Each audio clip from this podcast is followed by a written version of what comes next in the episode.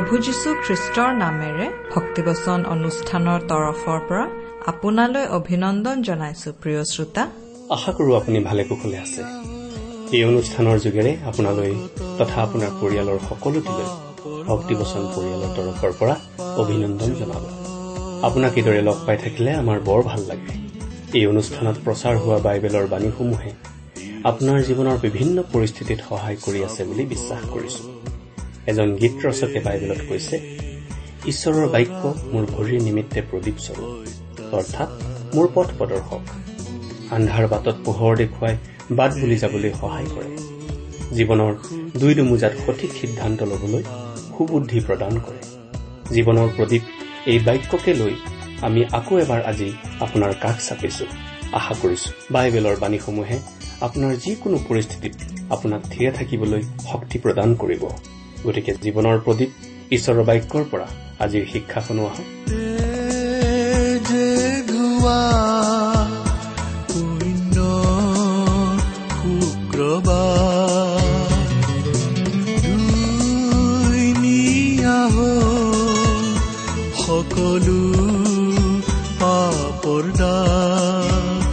সুস্থ হলো হাছেৰে দিয়া হ'ল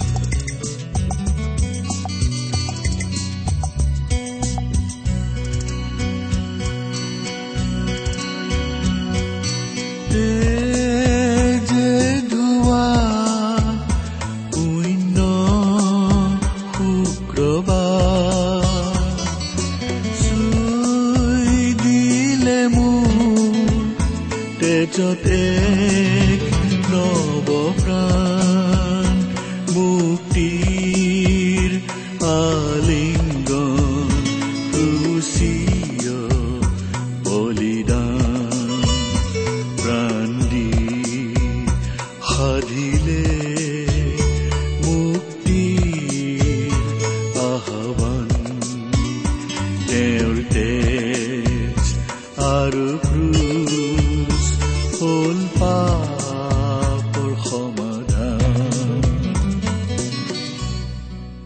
আমাৰ মহান ত্ৰাণকৰ্তা প্ৰভু যীশুখ্ৰীষ্টৰ নামত নমস্কাৰ প্ৰিয় শ্ৰোতা। আশা কৰো আপুনি ভালে কুশলে আছে। আমি লগতে এই বুলিও আশা কৰিছো যে আপুনি আমাৰ এই ভক্তিবচন অনুষ্ঠানটো নিয়মিতভাৱে শুনি আছে। এই অনুষ্ঠান শুনি আপুনি কেনে পাইছে বাৰু? অনুগ্ৰহ কৰি আমালৈ চিঠি লিখি জনাবচোন। আহকচোন আমাৰ আজিৰ বাইবেল অধ্যয়ন আৰম্ভ কৰাৰ আগতে খন্তেক প্ৰাৰ্থনাত মূৰ দুৱাওঁ। হে আমাৰ স্বৰ্গত থকা মহান পিতৃ ঈশ্বৰ প্ৰথমতেই তোমাক ধন্যবাদ দিওঁ কাৰণ তুমি আমাক আকৌ এটা নতুন দিন দেখিবলৈ দিলা আৰু তোমাৰ বাক্য অধ্যয়ন কৰিবলৈ তোমাক ওচৰৰ পৰা লগ পাবলৈ আমাক আকৌ এটা সুযোগ দিলা। প্ৰভু তোমাৰ বাক্যৰ নিগৃঢ় তত্ব বুজাই দিয়াৰ ক্ষমতা আমাৰ নাই সেই সামৰ্থ্য আমাৰ নাই তুমিয়েই আমাক বুজাই দিয়া। আমাৰ প্ৰয়োজন অনুসাৰে তুমিয়েই আমাৰ প্ৰত্যেককে কথা কোৱা। কিয়নো এই প্ৰাৰ্থনা আমাৰ পাপৰ প্ৰায়চিত্ৰ কৰিবলৈ ক্ৰুচত প্ৰাণ দি তৃতীয় দিনা পুনৰ জি উঠি এতিয়া স্বৰ্গত আমাৰ বাবে নিবেদন কৰি থকা ত্ৰাণকৰ্তা প্ৰভু যীশুখ্ৰীষ্টৰ নামত আগবঢ়াইছো।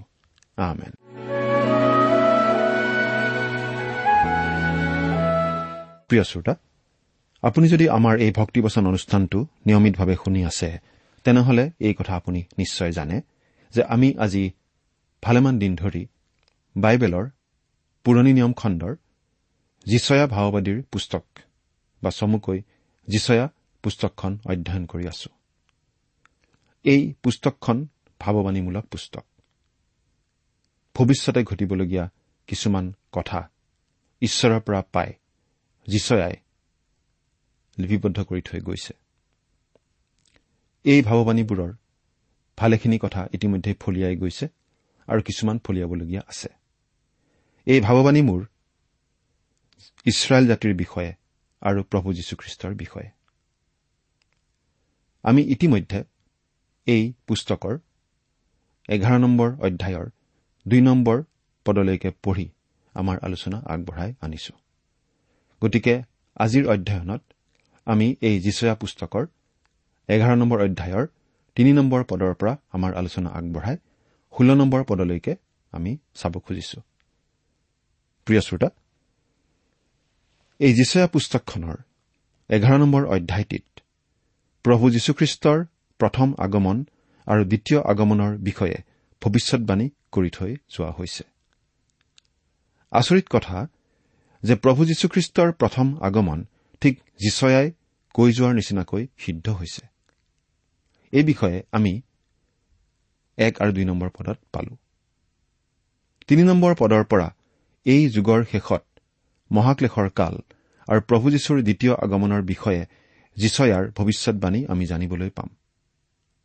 কিন্তু তাৰ আগতে এক আৰু দুই নম্বৰ পদৰ কথাখিনি পুনৰ চমুকৈ চোৱাটো ভাল হ'ব।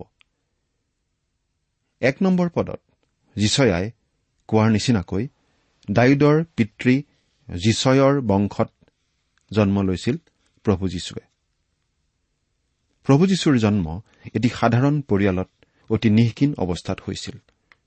তেওঁ অতি নম্ৰ আৰু শান্ত স্বভাৱৰ আছিল। দুই নম্বৰ পদত ভৱিষ্যৎবাণী কৰাৰ নিচিনাকৈয়ে প্ৰভু যীশু ঈশ্বৰৰ আত্মাৰে পৰিপূৰ্ণ হৈছিল। ঈশ্বৰৰ আত্মাৰ সাতটা গুণ তেওঁৰ ওপৰত আছিল আৰু সেইকেইটা হৈছে ঈশ্বৰৰ আত্মা প্ৰজ্ঞাৰ আত্মা সুবিবেচনাৰ আত্মা মন্ত্ৰণাৰ আত্মা পৰাক্ৰমৰ আত্মা জ্ঞানৰ আত্মা আৰু ঈশ্বৰ বিষয়ক ভয় জন্মাওতা আত্মা। যীশুখ্ৰীষ্টৰ দৰে আমিও এই আটাইকেইটা আত্মাৰ অধিকাৰী হোৱা ভাল। এইখিনি আছিল এঘাৰ নম্বৰ অধ্যায়ৰ এক আৰু দুই নম্বৰ পদৰ মূল কথা। এতিয়া আমি তিনি নম্বৰ পদৰ পৰা বহলাই আলোচনা কৰি যাম। প্ৰথমতে আমি তিনি আৰু চাৰি নম্বৰ পদ দুটা পাঠ কৰি দিব খুজিছো। অনুগ্ৰহ কৰি শুনিবচোন। যদিহে লগত বাইবেল আছে চাই যাব। জিহুৱা বিষয়ক ভয় তেওঁলৈ সুঘ্ৰাণস্বৰূপ হ'ব। আৰু নিজ চকুৰ দৃষ্টি অনুসাৰে তেওঁ বিচাৰ নকৰিব নাইবা নিজ কাণেৰে শুনাৰ দৰে বিচাৰ নিষ্পত্তি নকৰিব। কিন্তু তেওঁ ধাৰ্মিকতাৰে দৰিদ্ৰবিলাকৰ সোধ কৰিব আৰু ন্যায়েৰে পৃথিৱীৰ নম্ৰ লোকবিলাকৰ নিমিত্তে বিচাৰ নিষ্পত্তি কৰিব আৰু নিজ মুখেৰে দণ্ডেৰে পৃথিৱীক প্ৰহাৰ কৰিব আৰু নিজ ওঠৰ ফুৰে দুষ্টক মাৰিব। এয়া প্ৰভু যীশুৰ বিষয়ে ভৱিষ্যৎবাণী কৰি থোৱা হৈছে। যীচয়াই ভৱিষ্যৎবাণী কৰাৰ দৰে ঈশ্বৰৰ ইচ্ছা পালন কৰা আৰু ঈশ্বৰৰ প্ৰতি বাধ্যতা দেখুৱাই আছিল প্ৰভু যীশুখ্ৰীষ্টৰ জীৱনৰ মূল মন্ত্ৰ। সঁচাকৈয়ে পৃথিৱীত থকা কালত যীশুখ্ৰীষ্টই কোনোদিনে ঈশ্বৰৰ অবাধ্য হোৱা নাছিল। আনকি পিতৃ ঈশ্বৰৰ ইচ্ছা অনুসৰি মানৱ জাতিৰ পৰিত্ৰাণৰ কাৰণে প্ৰভু যীশু ক্ৰুচীয় মৃত্যুলৈকে আগবাঢ়ি গৈছিল। মৃত্যুবৰণ কৰি তেওঁ পুনৰ জি উঠি স্বৰ্গলৈ গৈছিল আৰু মহাক্লেশৰ কালত এই জনা যীশুখ্ৰীষ্টই পুনৰ আহিব।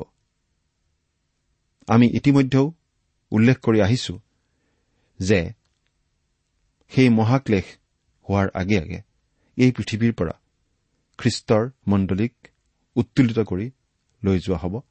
তাৰ পিছতে পৃথিৱীত মহাক্লেশৰ সূচনা হ'ব আৰু সেই মহাক্লেশৰ অন্তত প্ৰভু যীশুখ্ৰীষ্ট প্ৰবল প্ৰতাপেৰে আকৌ আহিব। তেতিয়া তেওঁ ঠিক যিচয়াই কোৱাৰ দৰে দৰিদ্ৰ আৰু নম্ৰবিলাকক ন্যায় বিচাৰ প্ৰদান কৰিব। কিন্তু দুষ্টক হলে তেওঁ দণ্ড বিহিব। দুষ্ট মানে ইয়াত আচলতে দুষ্টতাৰ গৰাকী ছয়তানক বুজোৱা হৈছে।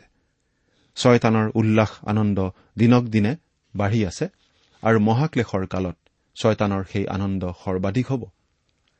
সেই সময়লৈকে জগতে মুক্তি নাপাব। মানুহে হাহাকাৰ কৰিব। ইছৰাইলে কান্দিব। কিন্তু চকু পানী মুচিবলৈ হাহাকাৰ গুচাবলৈ অন্যায় অত্যাচাৰ দূৰ কৰিবলৈ উত্তৰ দক্ষিণ বা পূব পশ্চিম কোনোফালৰ পৰা একো সহায় নাহিব। সহায় আহিব কেৱল ঊৰ্ধৰ পৰা। অৰ্থাৎ সেই সময়ত মহা গৌৰৱ আৰু পৰাক্ৰমেৰে প্ৰভু যীশুখ্ৰীষ্ট ঊৰ্ধৰ পৰা পৃথিৱীলৈ নামি আহিব আৰু তেওঁৰ ৰাজ্য স্থাপন কৰিব। বাৰু প্ৰভু যীশু কিয় এই পৃথিৱীলৈ আহিব? তাৰ কাৰণটো অতি স্পষ্ট। এই পৃথিৱীক এজন ন্যায় শাসক লাগে আৰু ন্যায় প্ৰদান কৰিবলৈ যীশু পৃথিৱীলৈ আহিব। পৃথিৱীয়ে অৱশ্যে তেওঁক সমৰ্থন দিয়া নাই আৰু ভৱিষ্যতেও নিদিয়ে কিন্তু ঈশ্বৰে তেওঁক সমৰ্থন কৰিছে আৰু ক্ষমতাও দিছে। আৰু এই পৃথিৱী আদি কৰি গোটেই বিশ্ব ব্ৰহ্মাণ্ডখন যিহেতু ঈশ্বৰৰ সেইকাৰণে বিচাৰ নিষ্পত্তি কৰিবলৈ ঈশ্বৰে তেওঁকেই পৃথিৱীত স্থাপন কৰিব। এইবাৰ চাওঁ হওক যে তেওঁ নিজ চকুৰ দৃষ্টিৰ অনুসাৰে বিচাৰ নকৰিব মানে কি কোৱা হৈছে? ইয়াত কোৱা হৈছে যে তেওঁৰ বিচাৰত দীঘলীয়া ওকালতি বা তৰ্ক বিতৰ্ক নহ'ব আৰু কোনো পক্ষপাতমূলক আচৰণো নহ'ব। সেইবুলি অপৰাধীক মুকলি কৰি দিয়াও নহ'ব। তাৰমানে তাত দুই ধৰণৰ বিচাৰ হ'ব। এটা বিচাৰ হ'ব যীশুখ্ৰীষ্টত বিশ্বাস কৰা লোকসকলৰ কাৰণে আৰু আনটো হ'ব বিশ্বাস নকৰা লোকসকলৰ কাৰণে। তাৰমানে মহাক্লেশৰ কালৰ আৰম্ভণিতেই যীশুখ্ৰীষ্টত বিশ্বাস কৰা লোকসকলে খ্ৰীষ্টৰ সুধৰ আসনৰ আগত উপস্থিত হ'ব। আৰু সেই সুধ বিচাৰ বেলেগ ধৰণৰ হ'ব। তাৰ এহেজাৰ সাত বছৰ পাছতহে হেৰুৱা লোকসকলৰ বাবে ডাঙৰ বগা সিংহাসনৰ সেই বিচাৰ আহিব আৰু সেই বিচাৰ বেলেগ হ'ব। খ্ৰীষ্টীয় বিশ্বাসী লোকসকল অৱশ্যেই যীশুখ্ৰীষ্টৰ আগত উপস্থিত হ'ম আৰু তাত আমাৰ বেলেগ ধৰণৰ বিচাৰ হ'ব। আমি সৰগলৈ যাম নে নৰকলৈ যাম সেই বিচাৰটো নহ'ব কাৰণ যীশুখ্ৰীষ্টত বিশ্বাস কৰাৰ লগে লগেই আমি মৃত্যুৰ পৰা জীৱনলৈ পাৰ হলো আৰু আমি সৰগৰ বাসিন্দা হ'ব পৰা হলো। কিন্তু যীশুৰ আগত আমাৰ জীৱনৰ লেতেৰা লাজ লগা লুকাই থকা ইত্যাদি সকলো বিষয় পোহৰলৈ অনা হ'ব। আমাৰ একো লুকাই নাথাকিব। সেইকাৰণে সেইদিনা প্ৰভুৰ আগত লাজত পৰাতকৈ আজিয়েই তেওঁক লাজ কৰি চলা ভাল। কাৰণ আমি লুকাই কৰিলেও প্ৰভুৱে আমাক দেখি আছে। গতিকে তেওঁক লুকাই কৰিবলগীয়া কামবিলাক আমি নকৰাই ভাল। সেই বিচাৰত প্ৰতিজন খ্ৰীষ্টীয় বিশ্বাসীৰ জীৱনৰ এটা হিচাপ লোৱা হ'ব। প্ৰতিজন খ্ৰীষ্টীয় বিশ্বাসীক যিবোৰ বৰ দিয়া হৈছে সেইবোৰ তেওঁ কেনেদৰে ব্যৱহাৰ কৰিছে যিবোৰ দায়িত্ব দিয়া হৈছে সেইবোৰ কেনেদৰে পালন কৰিছে তেওঁৰ জীৱনত কি কি ফল ধৰিছে এই সকলোবোৰ জোখমাখ কৰি চোৱা হ'ব আৰু সেই অনুপাতে তেওঁক পুৰস্কাৰ দিয়া হ'ব। সেইদিনা বাৰু আমি প্ৰভু যীশুৰ পৰা কিবা পুৰস্কাৰ আশা কৰিব পাৰোনে? প্ৰিয় শ্ৰোতা কিন্তু এই কথাও আমি মনত ৰখা উচিত যে প্ৰভু যীশুৰ সেই বিচাৰ বেলেগ হ'ব। খ্ৰীষ্টীয় বিশ্বাসীসকলৰ বিচাৰ। কিন্তু যিসকলে বিশ্বাস কৰা নাই তেওঁলোকৰ বিচাৰ হ'ব বগা সিংহাসনৰ বিচাৰ। এইখিনিতে আমি মনত ৰখা উচিত যে যিসকল লোকে যীশুক বিশ্বাস কৰি পৰিত্ৰাণ পাইছে তেওঁলোকৰ বিচাৰ যীশুৱে কৰিব।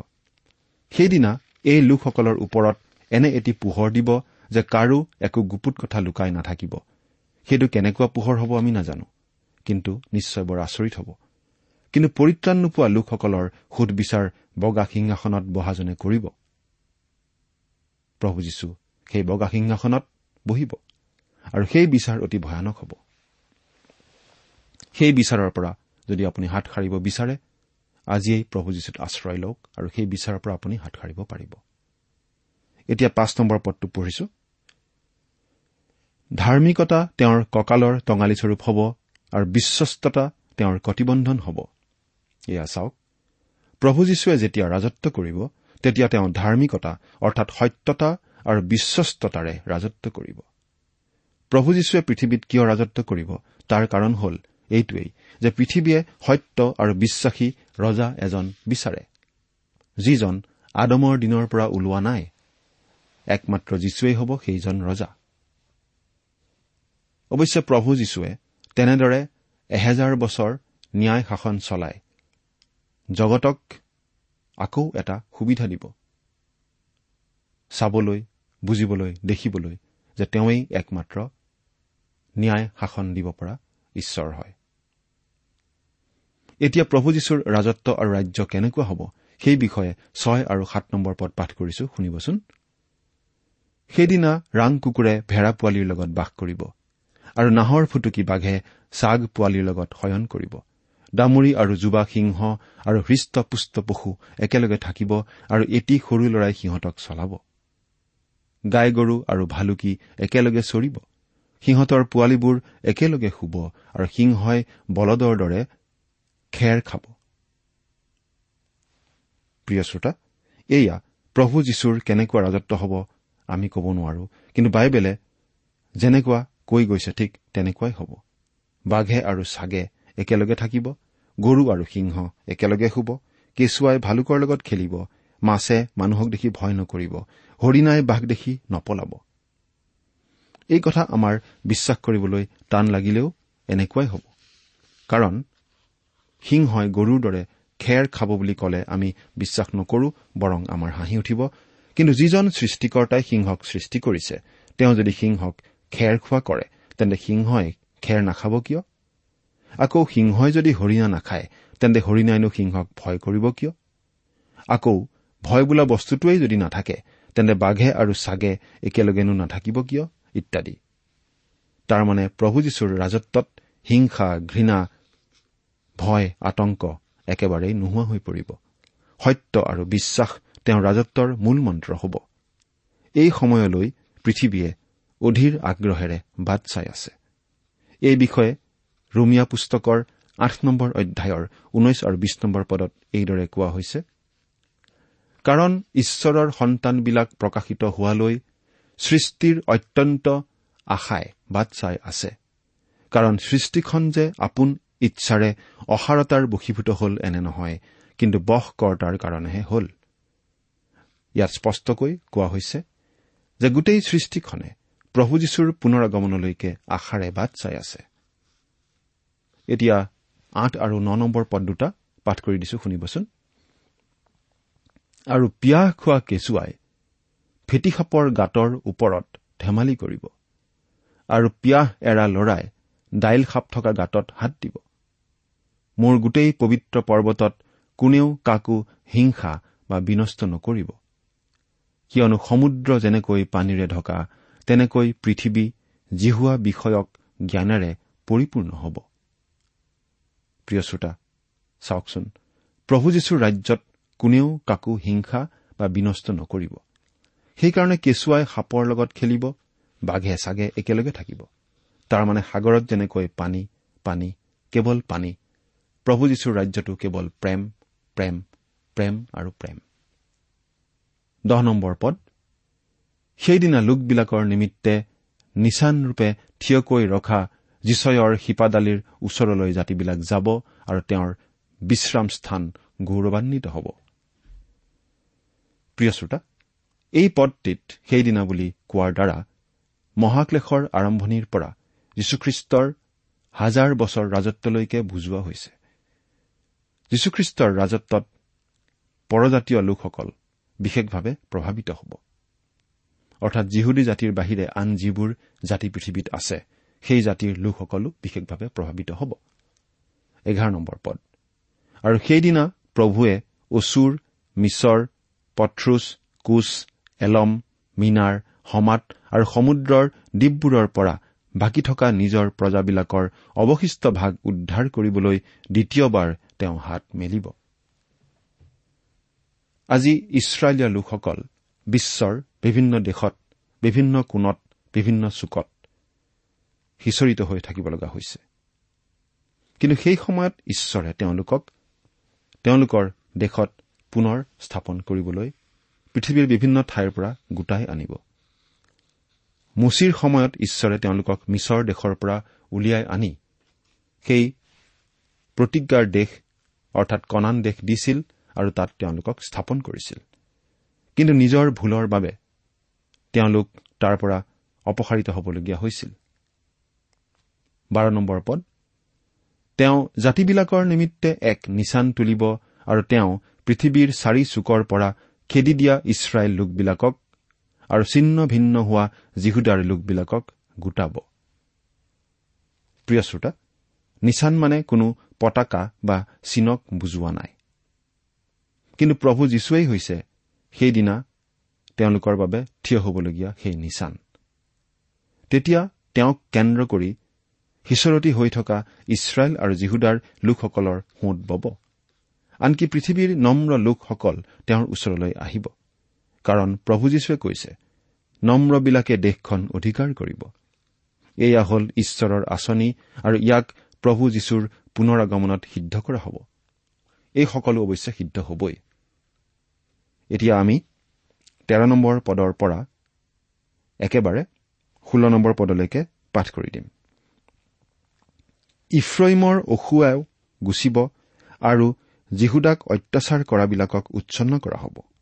ইফ্ৰইমে যীহুদাক অসূয়া নকৰিব আৰু যীহুদাই ইফ্ৰইমক অত্যাচাৰ নকৰিব।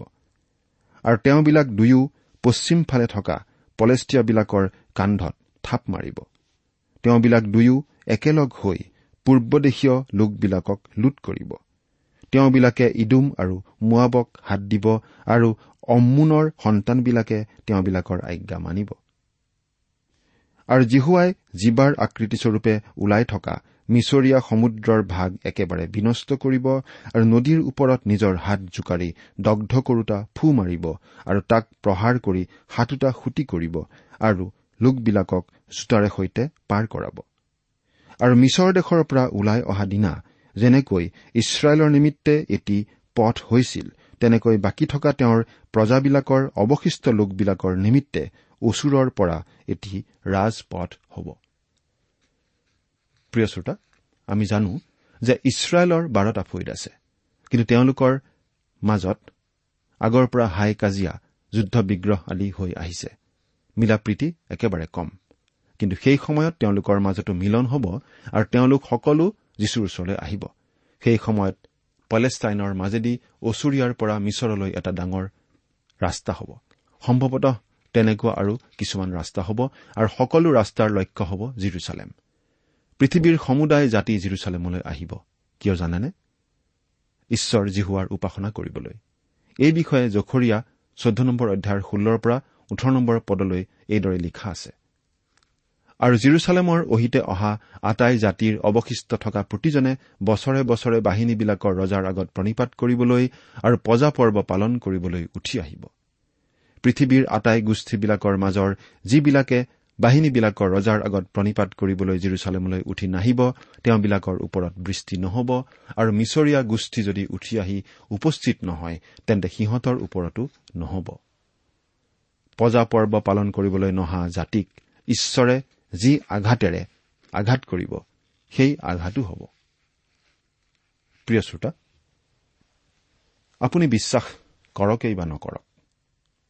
প্ৰভু যীশুৰ পুনৰাগমন হবই আৰু তেওঁৰ পুনৰ আগমনত এই সকলো ফলিয়াব এই সকলো ঘটিব। এই সকলো ঈশ্বৰৰ আঁচনি আৰু ঈশ্বৰৰ সৃষ্টি পৃথিৱীখনে এই দিনটোলৈ অধীৰ আগ্ৰহেৰে অধীৰ আশাৰে বাট চাই আছে। ইয়াৰ ভিতৰত আহি পৰিল আপোনাৰ আৰু মোৰ কথা। আপুনি আৰু মই যদি এই সকলো বিশ্বাস কৰো আৰু প্ৰভু যীশুক উদ্ধাৰকৰ্তা আৰু শান্তিদাতা হিচাপে গ্ৰহণ কৰো তেন্তে ঈশ্বৰৰ বাক্যত প্ৰতিজ্ঞা কৰা সকলো সুফল আপুনি আৰু মই পাম। আৰু যদি সুফল গ্ৰহণ নকৰো যদি বিশ্বাস নকৰো তেন্তে ঈশ্বৰৰ দণ্ড আমালৈ বাট চাই আছে। ঈশ্বৰৰ আঁচনিৰ কথা। আপোনাক ঈশ্বৰে জনাই দিছে। মোকো ঈশ্বৰে জনাই দিছে। সকলো মানুহক ঈশ্বৰে জানিবৰ সুবিধা কৰি দিছে।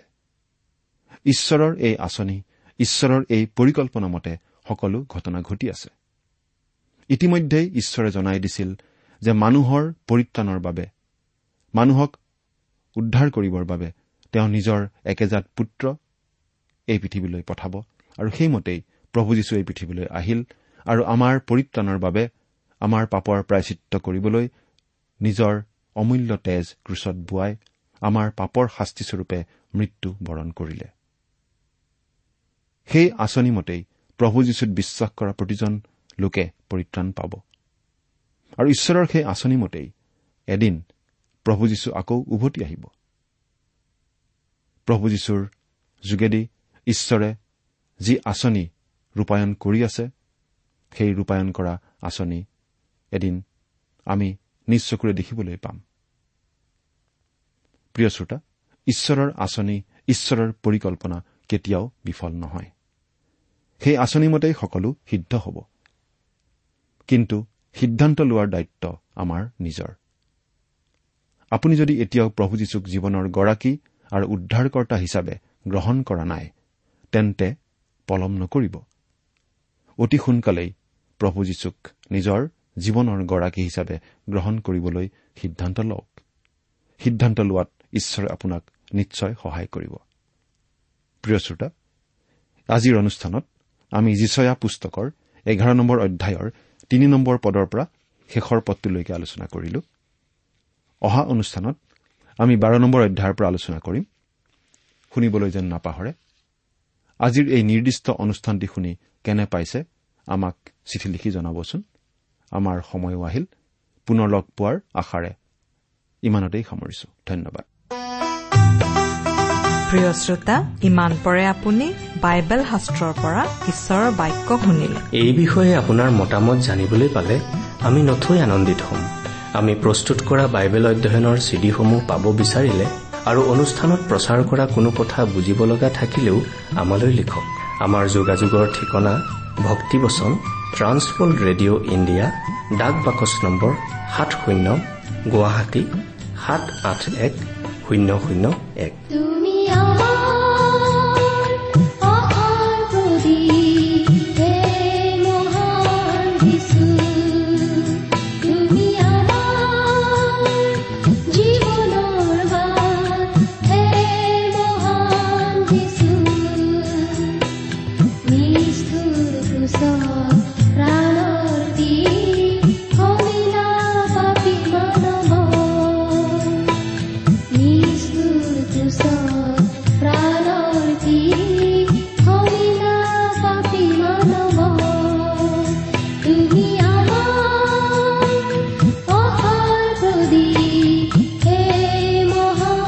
ঠিকনাটো আকৌ এবাৰ কৈছো ভক্তিবচন ট্ৰান্স ৱৰ্ল্ড ৰেডিঅ' ইণ্ডিয়া ডাক বাকচ নম্বৰ সাত শূন্য গুৱাহাটী সাত আঠ এক শূন্য শূন্য এক। আমাৰ ইমেইল এড্ৰেছটো হৈছে Assamese T TV at the rate radio' eight eight two dot com আমাৰ website W W W dot T W R dot in আপুনি টেলিফোনৰ মাধ্যমেৰেও আমাক যোগাযোগ কৰিব পাৰে। আমাৰ টেলিফোন নম্বৰটো হৈছে nine eight five four zero' four zero' eight eight nine. Phone নম্বৰটো আকৌ এবাৰ কৈছো ন আঠ পাঁচ চাৰি শূন্য চাৰি শূন্য আঠ আঠ ন। আপুনি এই ভক্তিবচন অনুষ্ঠানটি আমাৰ website W W W dot radio' eight eight two dot কমতো শুনিব পাৰিব আজিৰ অনুষ্ঠানটি ইমানতেই সামৰিছো। ঈশ্বৰৰ শান্তি আৰু অনুগ্ৰহ আপোনাৰ লগত থাকক। ধন্যবাদ।